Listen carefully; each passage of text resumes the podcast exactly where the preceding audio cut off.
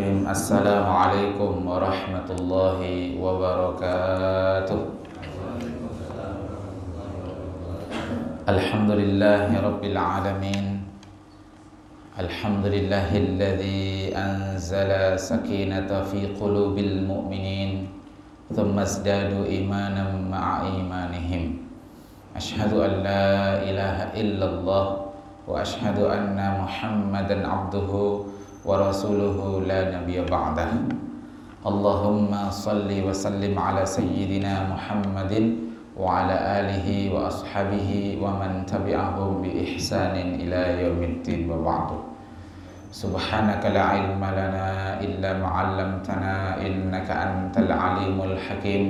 ولا حول ولا قوة إلا بالله العلي العظيم.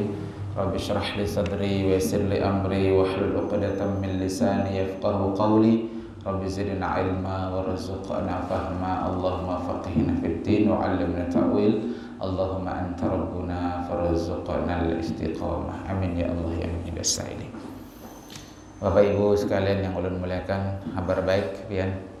Alhamdulillah. Alhamdulillah kembali kita bersyukur kehadirat Allah Subhanahu wa taala. Atas limpahan beragam nikmatnya yang kalau kita hitung-hitung niscaya kita tidak sanggup. Kalkulator paling canggih pun mungkin jebol untuk menghitung besarnya nikmat Allah.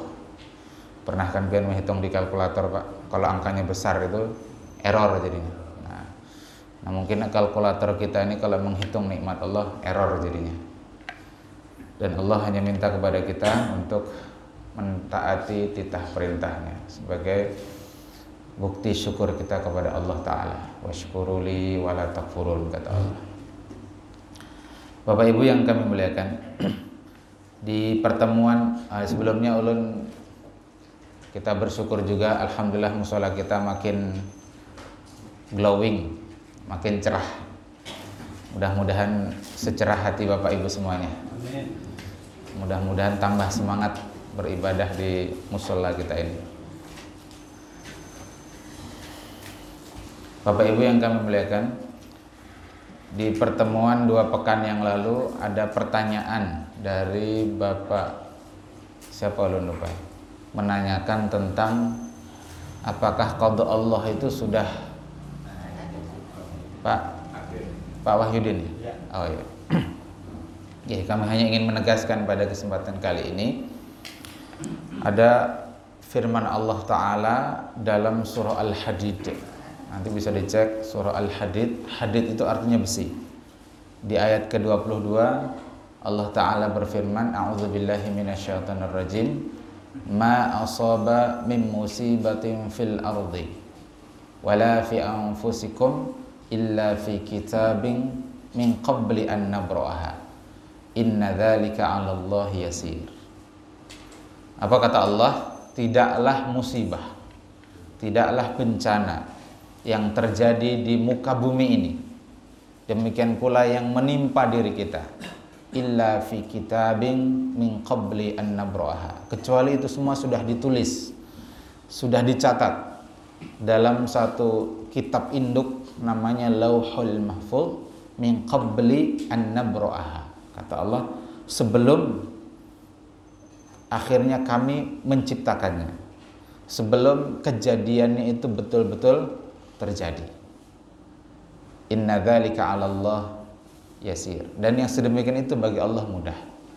Jadi ketetapan-ketetapan Allah ketentuan-ketentuan Allah yang ini kita yakini dalam rukun iman yang keenam yakni al-qada wal qadar itu semuanya telah Allah tetapkan di kitab induknya yang disebut dengan Lauhul Mahfuz maka kita orang beriman, Pak.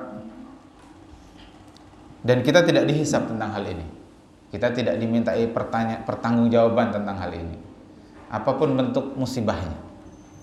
Nah, termasuk sekarang sedang mewabah virus corona. Ini sudah Allah catat di Lahul Mahfuz. Sebelum kejadian ini benar-benar terjadi. Nah, tapi kalau beredar di grup-grup WA bahwa isinya kurang lebih begini, virus corona dengan dampaknya termasuk anjloknya ekonomi. Ini Satu dolar sudah hampir 16 ribu nih Pak. 15.900 sekian sudah. Termasuk penutupan haji dan umroh itu di grup WA beredar tulisan itu sudah diramalkan oleh seorang arif billah seribu tahun yang lalu. Nah, itu beredar. Katanya itu tertulis dalam kitab Akhbaruz Zaman namanya. Karangan Syekh Sulaiman namanya. Nah, saya lacak kitabnya itu, Pak. Di Mbah Google. Ternyata dapat kitabnya memang. Jadi kitabnya itu judulnya Akhbaruz Zaman. Tapi ternyata penulisnya bukan Syekh Sulaiman, tapi Syekh Hasan bin Ali dan seterusnya. Seorang ahli sejarah. Kemudian saya cek tahun wafatnya beda. Kemudian saya cek halaman yang disebut ya di kitab Akhbaru Zaman yang disebut di grup-grup WA itu halamannya sekitar 300 sekian, 365 kalau tidak salah. Sementara kitab yang saya dapatkan itu hanya 281 halaman. Berarti kan nggak nyampe 300 sekian itu. Uh, ternyata setelah lacak-lacak punya lacak hoax. Kesimpulannya itu hoax. Jadi kalau pian menemukan tulisan itu di grup WA tidak usah ikut-ikut nyebarkan. Itu hoax. Dan hoax seputar corona ini begitu banyak pak. Sampai menteri informatika itu komunikasi dan informatika itu mengeluarkan daftar hoax seputar corona. Ratusan jumlahnya. Jadi memang harus hati-hati juga Nah kembali ke tadi, jadi wabah penyakit seperti ini pun sudah Allah tetapkan. Nah maka sikap kita apa menyikapi wabah seperti ini? Tentu yang pertama kita hanya berwakil kepada Allah. Kita bersandar hanya kepada Allah. Kita tawakal kepada Allah. Bahwa tidak menimpa diri kita kalau memang itu tidak menjadi ketetapan Allah. Dan akan menimpa diri kita kalau sesuatu itu memang sudah menjadi ketetapan Allah. Jadi mudarat, manfaat itu nggak akan kita peroleh tanpa izin dan ketentuan Allah. Itu keyakinan kita. Sama dengan kematian. Dalam Al-Qur'an disebutkan idza jaa la sa'atan wa la. Kematian itu kalau sudah datang waktunya, kita nggak bisa memundurkan sedetik pun sebagaimana kita nggak bisa memajukan sedetik pun.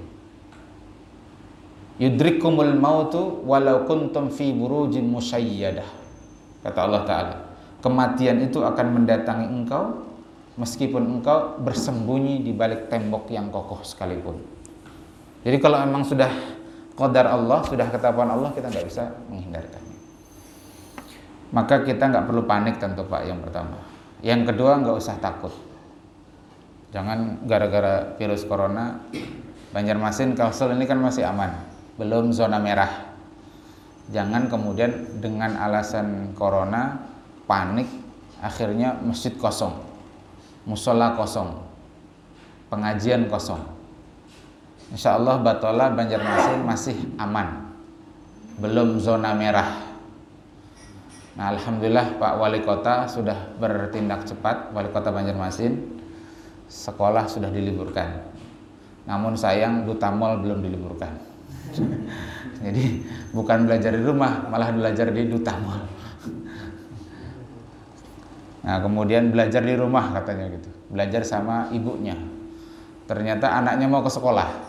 Kenapa? Ternyata ibunya lebih galak dari ibu gurunya.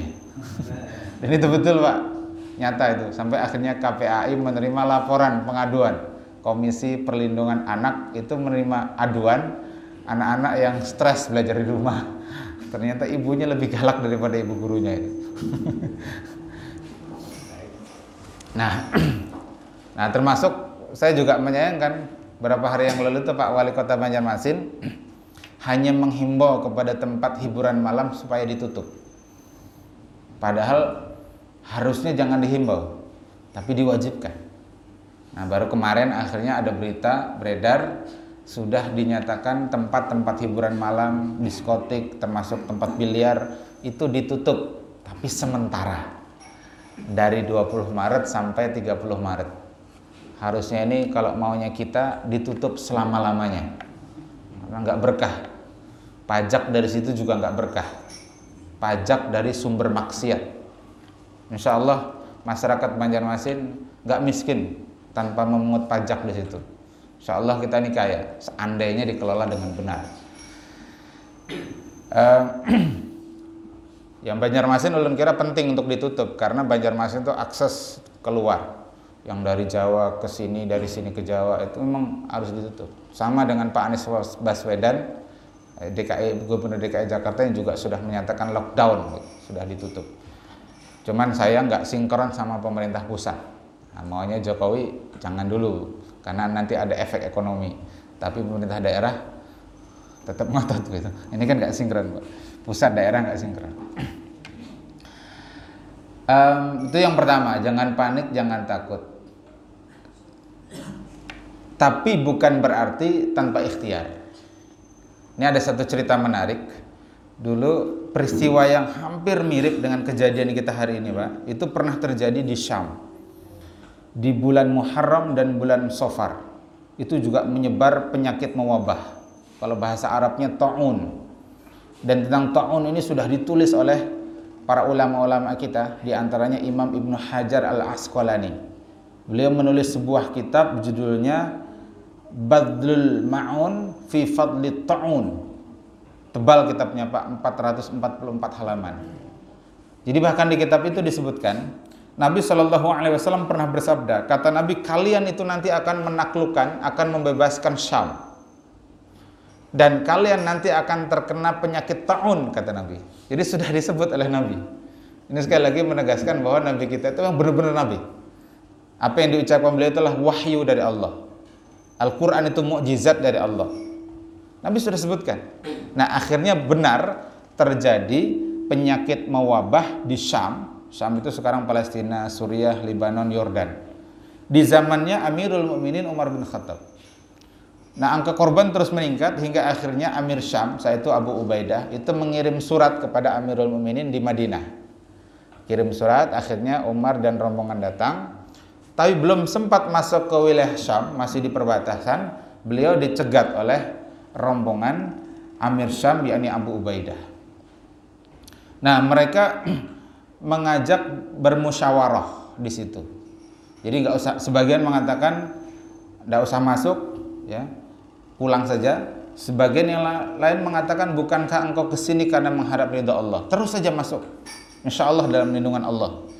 Ini penting juga saya sampaikan Pak, karena hari ini umat Islam nampaknya terbelah itu menjadi dua.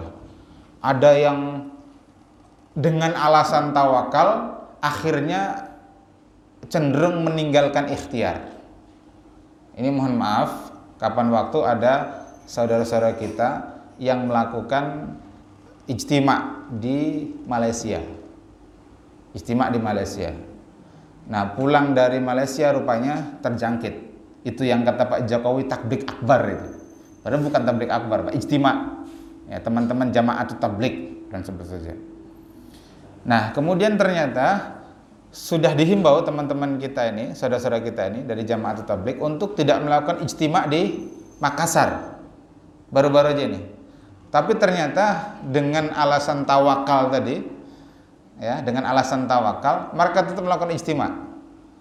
Menurut satu sumber berita, mudah-mudahan ini benar ya, mudah-mudahan tidak benar Mas Ulun mudah-mudahan tidak benar itu diberitakan akhirnya ada 190 peserta ijtima itu yang terjangkit virus corona.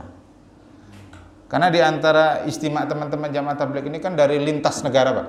Dari berbagai negara.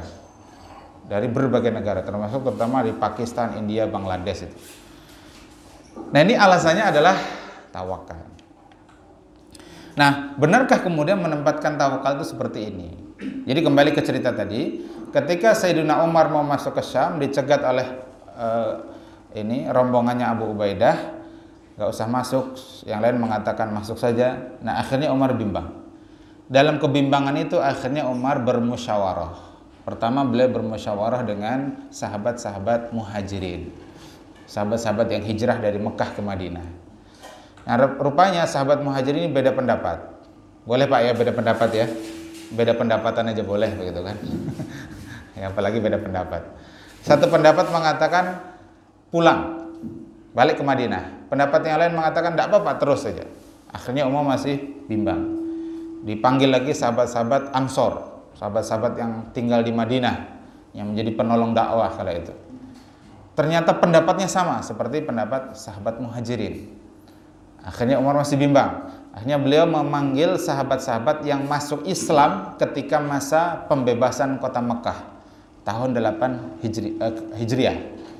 Nah, ternyata sahabat-sahabat dari eh, yang masuk Islam ketika Fathu Mekah itu mereka sepakat ya sepakat bahwa Umar harus kembali, jangan masuk ke Syam. Mereka mengutip hadis Nabi, "Idza kana bi ardin" jika di satu negeri itu ada penyakit mewabah, ya, mengutip hadis Nabi mereka, "Fala tadkhuluha." Jangan kau masuk. Jadi justru jangan nantang-nantang masuk ke situ. Wa idza waqa'a bi ardin wa antum biha fala alaikum. Dan jika engkau tinggal di satu negeri, satu tempat, satu wilayah, dan di situ sudah menyebar penyakit mewabah, kamu jangan ke mana-mana. Nah itu pesannya. Nah akhirnya mantap Umar bin Khattab. Umar bin Khattab mau pulang. Ketika mau pulang itu dia dikomentari oleh Amir Syam, Gubernur Syam, Abu Ubaidah tadi. Apa kata Abu Ubaidah? Ya Amirul Mukminin, afiraran min qadarillah. Nah ini yang terkaitkan dengan tawakal tadi Pak. Kata Abu Ubaidah, wahai Amirul Mukminin, apakah engkau lari dari ketetapan Allah? Apakah engkau lari dari qadar Allah? Lalu Umar mengatakan, "Falaula ghairuka qalaha ya Aba Ubaidah." Seandainya bukan engkau yang ngomong begitu Abu Ubaidah, mungkin Umar akan marah-marah itu. Gak senang Umar dengan sanggahan Abu Ubaidah itu. Lalu Umar mengatakan begini, "Nafirru min qadarillah ila qadarillah." Kata Umar bin Khattab, kami ini berpindah dari satu ketetapan Allah kepada ketetapan Allah yang lain. Sebagaimana engkau kalau punya banyak unta, lalu di sini ada padang rumput yang gersang, sini ada padang rumput yang subur, engkau tinggalkan padang rumput yang gersang, berpindah kepada padang rumput yang subur. Bukankah itu pilihan engkau? Artinya engkau berpindah dari satu ketetapan Allah kepada ketetapan Allah yang lain. Nah ini pelajarannya apa Pak? Saya ingin tanya, Umar itu sahabat Nabi apa bukan? Halo, sahabat Nabi. Umar itu termasuk sahabat Nabi yang dijamin masuk surga apa bukan? Masuk. Ulun ingin tanya ke pian, Umar itu kurang apa tawakalnya Umar bin Khattab? Betul? Kurang apa husnuzannya Umar bin Khattab kepada ketetapan Allah? Betul? Tapi bukankah Umar bin Khattab tetap melakukan ikhtiar? Jadi tidak jangan dibentur-benturkan antara tawakal dengan ikhtiar. Tawakal itu amal hati bahwa kita hanya bersandar kepada Allah, kita hanya bergantung kepada Allah, kita berwakil sepenuhnya segala urusan kita kepada Allah. Faida azamta fatawakal Allah. Jika engkau sudah berazam, sudah bertekad, sudah bertauhid, maka serahkan urusannya itu semuanya kepada Allah. Tapi Pak, ini ulun ingin koreksi juga. Tawakal itu bukan berarti di akhir kita sering dengar kan orang ngomong begini, saya sudah berusaha Ustaz, sisanya saya tawakal. Proposal sudah saya sebarkan Pak Ustaz, saya sisanya tawakal. Saya sudah ta'arufan melamar, nah tinggal diterima tidak, saya tawakal Pak Ustaz. Seolah-olah Pak ini, kalau begini pemahamannya, pertanyaannya, berarti saat kita berusaha apakah kita tidak bertawakal? Saat kita buka toko, lalu menjaga, sudah promosi, apakah saat itu kita tidak tawakal? Kan tawalnya di belakang tadi. Nah ini ulun mohon maaf, menurut ulun ini kurang pas. Tawakal itu ada sebelum kita melakukan usaha, tawakal itu ada saat kita berusaha, dan tawakal itu tetap ada setelah kita berusaha. Karena makna tawakal telah bersandar kepada Allah. Hati kita hanya bergantung kepada Allah. Hati kita hanya berwakil kepada Allah. Mungkin ada yang bertanya begini, Ustaz, kan ada hadis Nabi. Ada Arab Badui datang nemuin Nabi. Lalu ternyata ontanya belum ditambatkan. Nah, belum diikat. Nabi nanya, ontamu sudah diikat belum? Belum. Saya bertawakal kepada Allah. Kata Nabi, iqilha wa tawakal ala Allah. Ikat untamu, kemudian eh, ikat untamu dan bertawakal kepada Allah. Bapak Ibu yang ulun muliakan, hadis ini tidak menunjukkan urutan.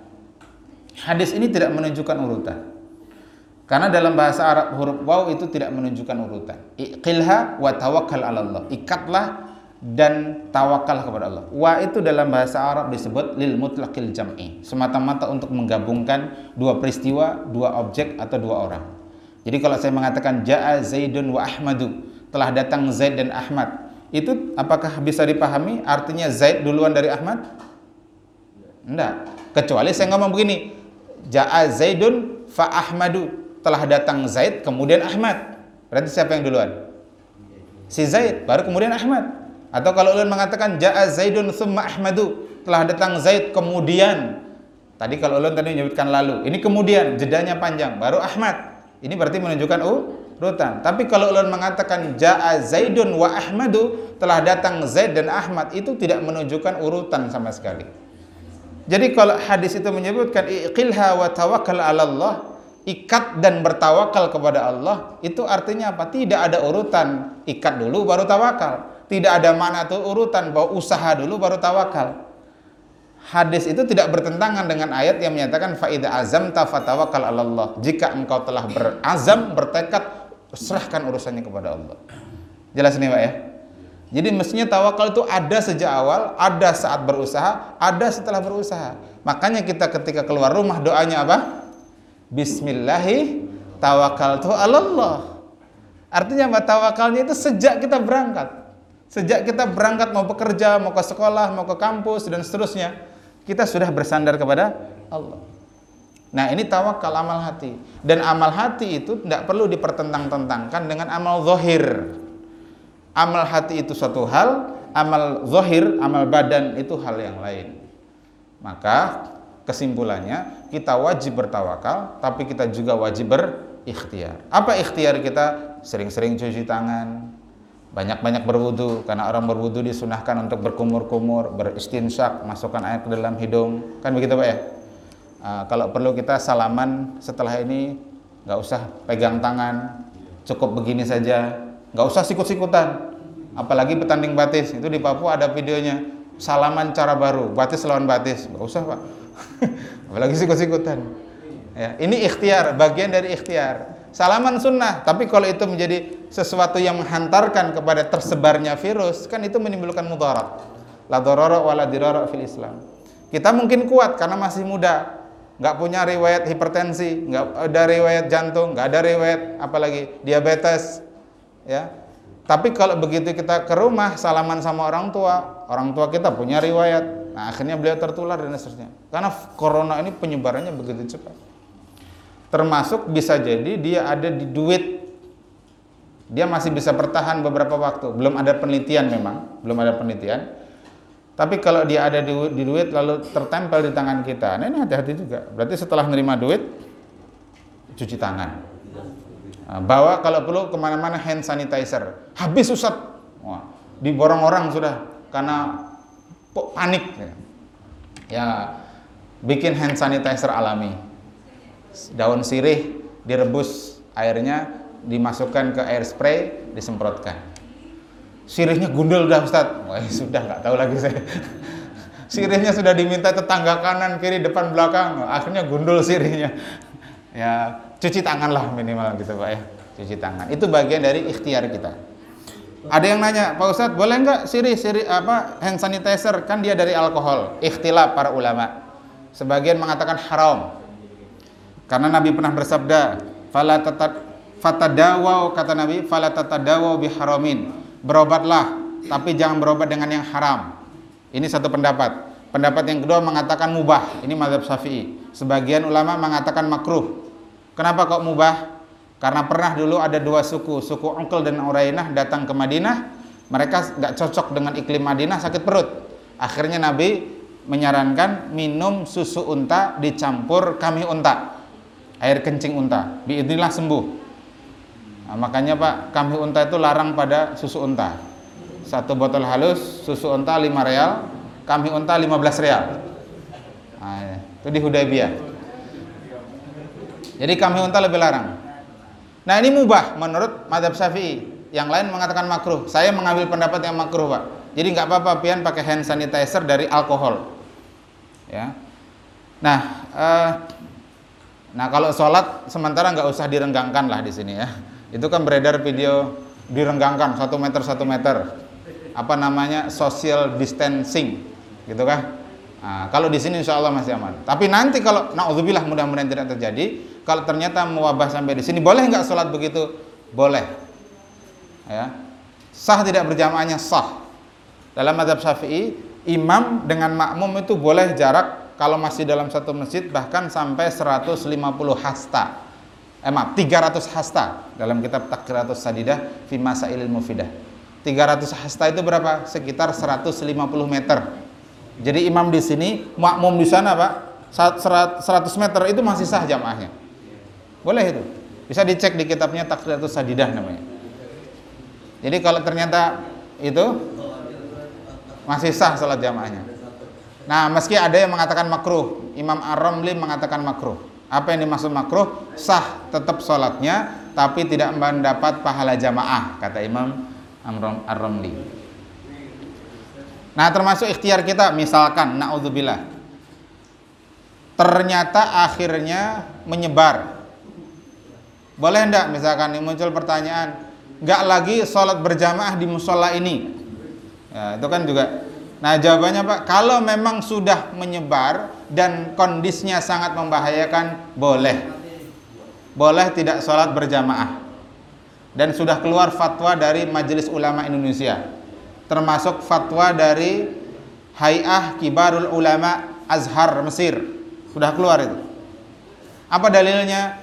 Dalilnya adalah hadis riwayat Imam Bukhari Ibnu Abbas pernah memerintahkan kepada muadzinnya, berkata kepada muadzinnya, kata Ibnu Abbas, wahai muadzin, kalau engkau sudah mengumandangkan asyhadu anna Muhammad Rasulullah, fala taqul hayya 'alas shalah. Jangan engkau mengumandangkan hayya 'alas shalah, tapi gantilah sallu fi buyutikum. Salatlah di rumah-rumah kalian. Karena Ibnu kata Ibnu Abbas, karena hal ini pernah dilakukan oleh manusia yang lebih baik daripada aku. Maksudnya Nabi Muhammad SAW. Di zaman Nabi pernah Nabi memerintahkan muadzinnya mengatakan sallu fi rihalikum. Salatlah kalian di kemah-kemah kalian. Nah, baru di zamannya Ibnu Abbas Ibnu Abbas mengubahnya menjadi sallu fi buyutikum. Makanya kalau kalian lihat ada video beredar di Arab kah itu di mana itu ada masjid muadzinnya setelah asyhadu anna Muhammadur Rasulullah sallu fi buyutikum. Itu ada hadisnya, Pak. Hadisnya sahih riwayat Imam Bukhari. Nah, kami mengambil pendapat itu artinya kalau memang kondisinya sudah sangat membahayakan itu boleh. Nah, tapi kalau pian hendak jua tetap di sini, resikonya tertular, ya nggak apa-apa juga. Ya, kan boleh tadi Pak, boleh diambil, boleh juga tidak. Karena bagian akhir yang ingin saya sampaikan, kalau ternyata toh kita kena apa, itu rahmat bagi orang-orang beriman. Ini supaya kita nggak panik. Ini yang sampaikan. Ada hadis riwayat Imam Ahmad dari Bunda Aisyah, kata Bunda Aisyah, "Sa'altu Rasulullah sallallahu alaihi wasallam anit taun." Saya pernah bertanya kepada Nabi tentang penyakit mewabah. Fa akhbaroni kemudian Nabi memberitahuku lahu tentang penyakit taun itu. Apa kata Nabi? Ini Pak, simak hadis Nabi. Kata Nabi, "Kana adzaban yab'atsuhu Allahu ala may yasha." Penyakit taun itu adalah azab dari Allah ya atas siapa pun yang dia kehendaki. Taun ini, corona ini azab bagi Cina, Pak. Presiden Cina Xi Jinping itu mengatakan hari ini tidak ada kekuatan yang mampu mengalahkan Cina. Dengan sombongnya dia makan begitu. Memang Cina ekonominya kuat, militernya kuat, uh, penduduknya terbesar di dunia, lebih satu miliar. Tapi apa yang terjadi? Hanya dengan virus yang kecil, ukuran nano, Cina kelimpungan. Ini azab dari Allah. Tapi kata Nabi, waja'alahu rahmatan lil mu'minin. Tapi wabah ini Allah jadikan rahmat bagi bagi orang-orang beriman. Ini terlepas Pak ya, siapa yang menjadi pelaku penyebaran virus ini. Karena menurut beberapa analisa, itu memang sengaja dikirim oleh Amerika ke Cina jadi di bulan Maret tahun 2019 uh, eh, ada latihan militer Amerika di Wuhan, di Wuhan persis. Uh, kemudian keanehan itu di bulan Oktober seluruh duta duta besar Amerika yang ada di Cina, yang basisnya itu di Wuhan, itu ditarik semua. Seolah-olah Amerika sudah tahu. Nah, kemudian virus corona itu diduga itu dari kelelawar bukan dari kelelawar yang di Wuhan, tapi di Afrika Selatan. Itu menurut satu sumber yang saya baca. Jadi memang ada kemungkinan ini memang permainan Amerika menyebarkan senjata biologisnya. Apa motifnya? Persaingan perang dagang dengan Cina. Amerika tidak mau disaingi soal ini. Nah, itu. Apalagi memang dulu tahun 2010 itu sudah ada prediksi dari National Intelligence Council, jadi kumpulan lembaga-lembaga intelijen dunia, itu menyebutkan 2020 selain akan tegaknya khilafah, India akan menjadi negara adidaya, Amerika tetap menjadi negara adidaya, Cina akan menjadi negara adidaya, dan Amerika tidak mau disaingi, Pak. Itu karakter Amerika memang tidak mau disaingi. Ada kemungkinan itu. Tapi ala kulihal yang jelas ini azab bagi mereka. Dan ini rahmat bagi orang-orang beriman. Kenapa kok rahmat? Nabi melanjutkan sabdanya, kata Nabi, "Falaisa lirajulin lirajulin yaqa'u ta'un, tidaklah seseorang yang terkena penyakit ta'un kemudian dia wayam kusufi baitihi dan dia tetap diam di rumahnya. Jadi memang kalau sudah kena apa? Sunnah Nabi ini, jangan ke mana-mana, bertahan di rumah. Yam kusufi baitihi wa fi riwayatin wayam kusufi biladihi. Hendaklah dia diam di negerinya, di kampungnya, Jangan ke mana-mana. Ini sunnah Nabi. Tadi seperti yang dikutip para sahabat ketika menyambut kedatangan Umar bin Khattab. Sabiran muhtasiban, kemudian dia bersabar dan dia berbaik sangka dengan ketetapan Allah ya'lamu annahu la yusibuhu illa ma kataballahu lahu dan dia meyakini bahwa tidak akan menimpa dirinya kecuali yang apa yang telah menjadi ketetapan Allah maka illa tidak ada balasan baginya kana lahu mithlu ajri syahid maka orang yang lalu meninggal karena penyakit taun ini kata Nabi dia mendapatkan seperti pahalanya orang syahid fisabilillah. Syahid pak. Siapa yang nggak pengen syahid? Yang pengen syahid boleh angkat tangan? Oh, belum mantep ini. Nah, karena berarti harus harus mati dulu gitu. Harus kena corona dulu. Nah, tapi belum sampaikan Pak, fadilah orang mati syahid. Mati syahid itu kan ada tiga, syahid dunia, syahid akhirat, syahid dunia akhirat. Kena penyakit taun, corona, ini adalah syahid akhirat. Apa balasan orang yang syahid akhirat? Diampuni dosanya sejak dikuburkan. Yang kedua, dia bisa lihat tempatnya nanti di surga itu di mana. Dia langsung lihat, ya romak adahu fil jannah. Dia langsung lihat. Kemudian yang ketiga, bebas siksa kubur. Apalagi yang keempat, dia nanti tetap merasa aman ketika manusia merasa takut di padang mahsyar. Yang kelima, dia dinikahkan dengan 72 bidadari. Nah, ini Pak, satu aja udah mantap apalagi 72 gitu kan. 72 hadisnya itu. Hadis riwayat Imam Tirmidzi. Hasan sahih gharib kata Imam Tirmidzi. Hadis ini hasan sahih. Nah, dan yang keenam, dia berhak memberi syafaat 70 anggota keluarganya, Pak memberikan syafaat 70 kerabatnya. Itu bagi siapa? Bagi orang yang meninggal karena penyakit corona.